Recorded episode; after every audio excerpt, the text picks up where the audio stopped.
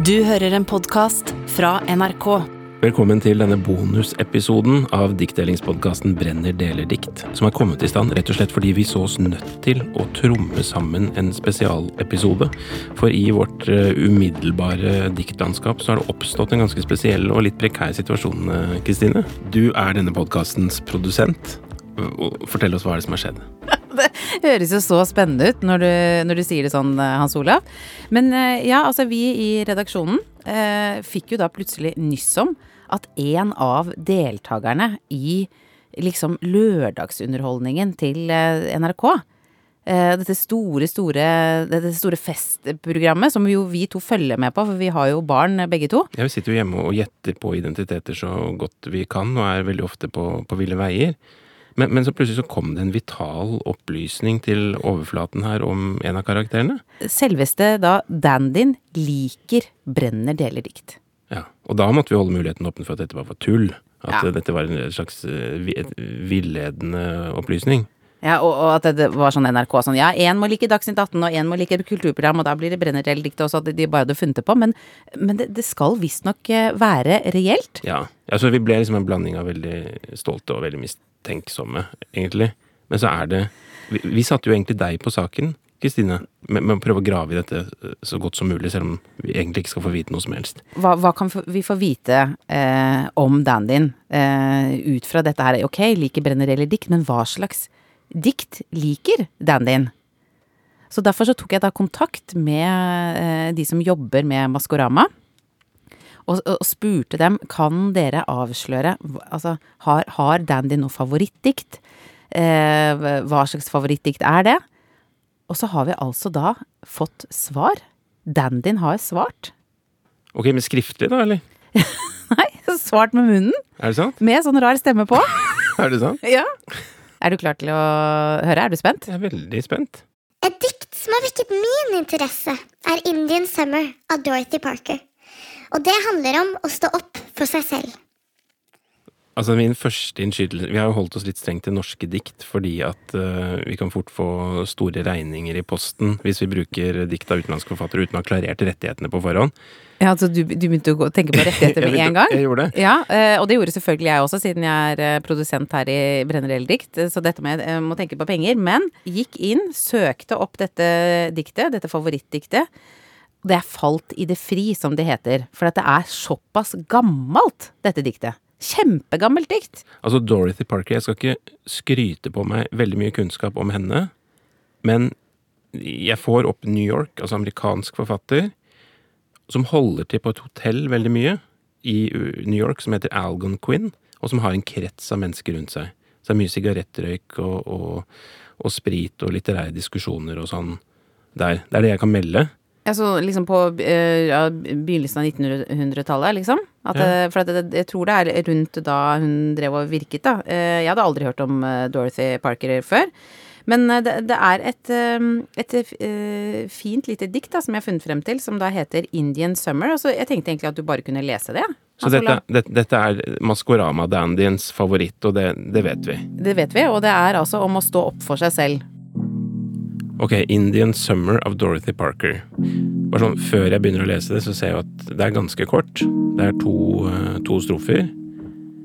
Og, og, i første strofe så er vedkommende, liksom hovedpersonen i diktet, da, ung.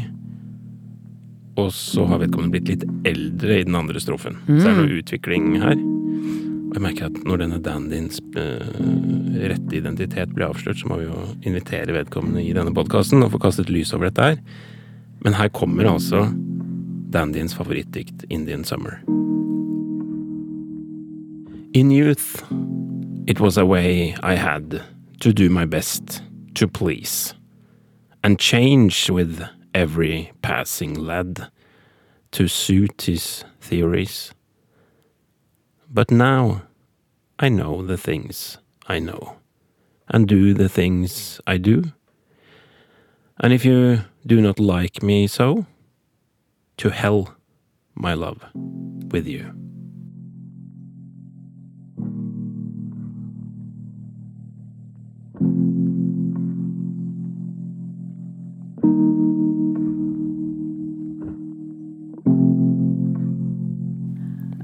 Altså det, det, er jo litt interessant, fordi eh, hver gang når vi får eh, en gjest eh, på besøk i Brenner eller diktet, Hans Olav, så, så er det jo spennende eh, når de skal dele et dikt, altså når de har med seg et dikt, eh, så sier det jo en del om personen. For eksempel når Odd Nordstoga er der, så, så er det jo liksom det, det er jo ikke sånn oi, wow, han tar et dikt av Tarjei Vesaas som handler om snø og granskog. Altså det passer jo til hans person. Et litt sånn nedpå-dikt, liksom, der hvor du er ute, og, og det er naturen, og det er hjemme, og heimslig, og øh, alt det der. Sånn at det, jeg tenker at man kan jo lese noe ut av dette her. Altså de sånne gale Maskorama-fans må jo få masse øh, vann på mølla. Så det, hva, hva tenker du da? Du, du er jo øh, eksperten her, Hans Olav. Hva, hva, hva leser du ut av dette diktet? Altså, vi mangler jo noe i regnestykket her. Vi mangler denne personen, som du sier, da. Så, så det er, føles veldig nakent, hele, hele opplegget. Men jeg syns jo dette var et veldig fint og morsomt dikt, og uh, litt sånn, nesten litt sånn sarkastisk her, ikke sant, når hun sier sånn 'and change with every passing lad', altså hun forandret seg for hver eneste gutt eller mann hun ble sammen med. To suit his theories, liksom. Man ser for seg en sånn mansplainer-type, som, uh, som øh, mange av oss har truffet på i vårt liv, eller kanskje til og med har vært i perioder, hva vet jeg. Men så er det den her Altså at hun får utrettet så mye på dette lille diktet, er jo veldig tiltalende, syns jeg, da.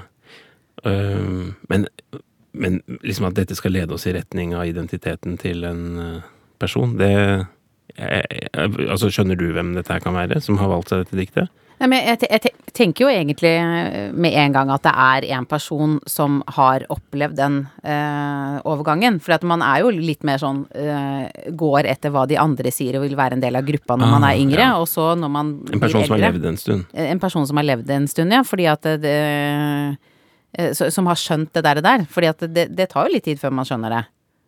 Og så er det jo også en som er litt sånn så, Altså, jeg, tenker jeg da at jeg ser for meg en som er litt tøff, fordi at det, sånn, som, som liker det der to hell with you my love. Altså, det er jo Det er jo ikke det derre inderlige eh, litt sånn sobre, det er litt sånn det er, det er litt sånn Det er litt kraft, ikke sant? Med den punchen tenkte jeg egentlig at du ville like litt. Du liker jo litt sånn punch på slutten. Jeg liker punch. Men jeg tenker helt motsatt av deg når jeg får tenkt meg litt om. Oh, ja? Så tenker jeg at det er en ung person. Er det sant? Ja, altså en person i formativ fase som er på jakt etter liksom noen slags uh, oh. kjøreregler, noe å, å lene seg på. Og det å da lese et sånn fyndig dikt av en person som nettopp har gjort de erfaringene man tenker at man kommer til å gjøre seg på, på sikt, oh. uh, og som uh, sier at det er lys for så vidt i enden av tunnelen, og som kanskje også kan virke litt forebyggende, da, at man kan styre unna noen av alle disse passing ladsene som uh, jeg personlig i diktet har vært innom. Å, spennende. Jeg ser for meg et sånt dikt man kan bli veldig opptatt av når man er ung. Vet du hva, når du sier det eh, sånn, Hans Olav, så, så tenker jeg at, uh, at du har rett. Altså, dette er en person som vil ha den derre to hell with you, my love, som hungrer etter det, som vil ha den uh, erfaringen som Dorothy Parker har. Ja, og som vil sitte ved det der bordet på Algonquin og bare høre på at Dorothy Parker snakker og øser av sin livsvisdom, så man kan ta noen snarveier og slippe å liksom begå alle feil her i livet. Ok, men da må, da må du si eh, et navn, da. Hvem er det du tror eh, dette her er? Å! Jeg tror jeg vet det. Nei! Jo, vet du hva, nå fikk jeg en hunch.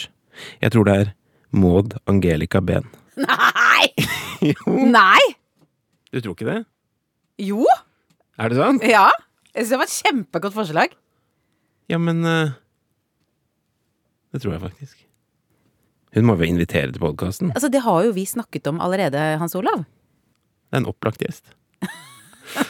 Ok, lykke til videre, dagen din. Vi håper du henger med en god stund til. Og går til topps. Jeg leser diktet 'Indian Summer' av Dorothy Parker en gang til. Bra jobba med å finne ut av dette her, Kristine. Takk, Hans Olav. In youth, it was a way I had to do my best to please, and change with every passing lad to suit his theories. But now I know the things I know, and do the things I do, and if you don't like me so, to hell, my love, with you.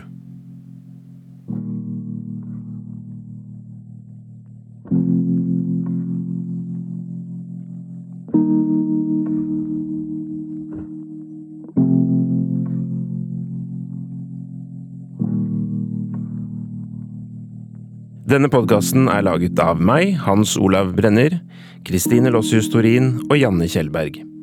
Redaksjonssjef Helle Vågeland. En podkast fra NRK.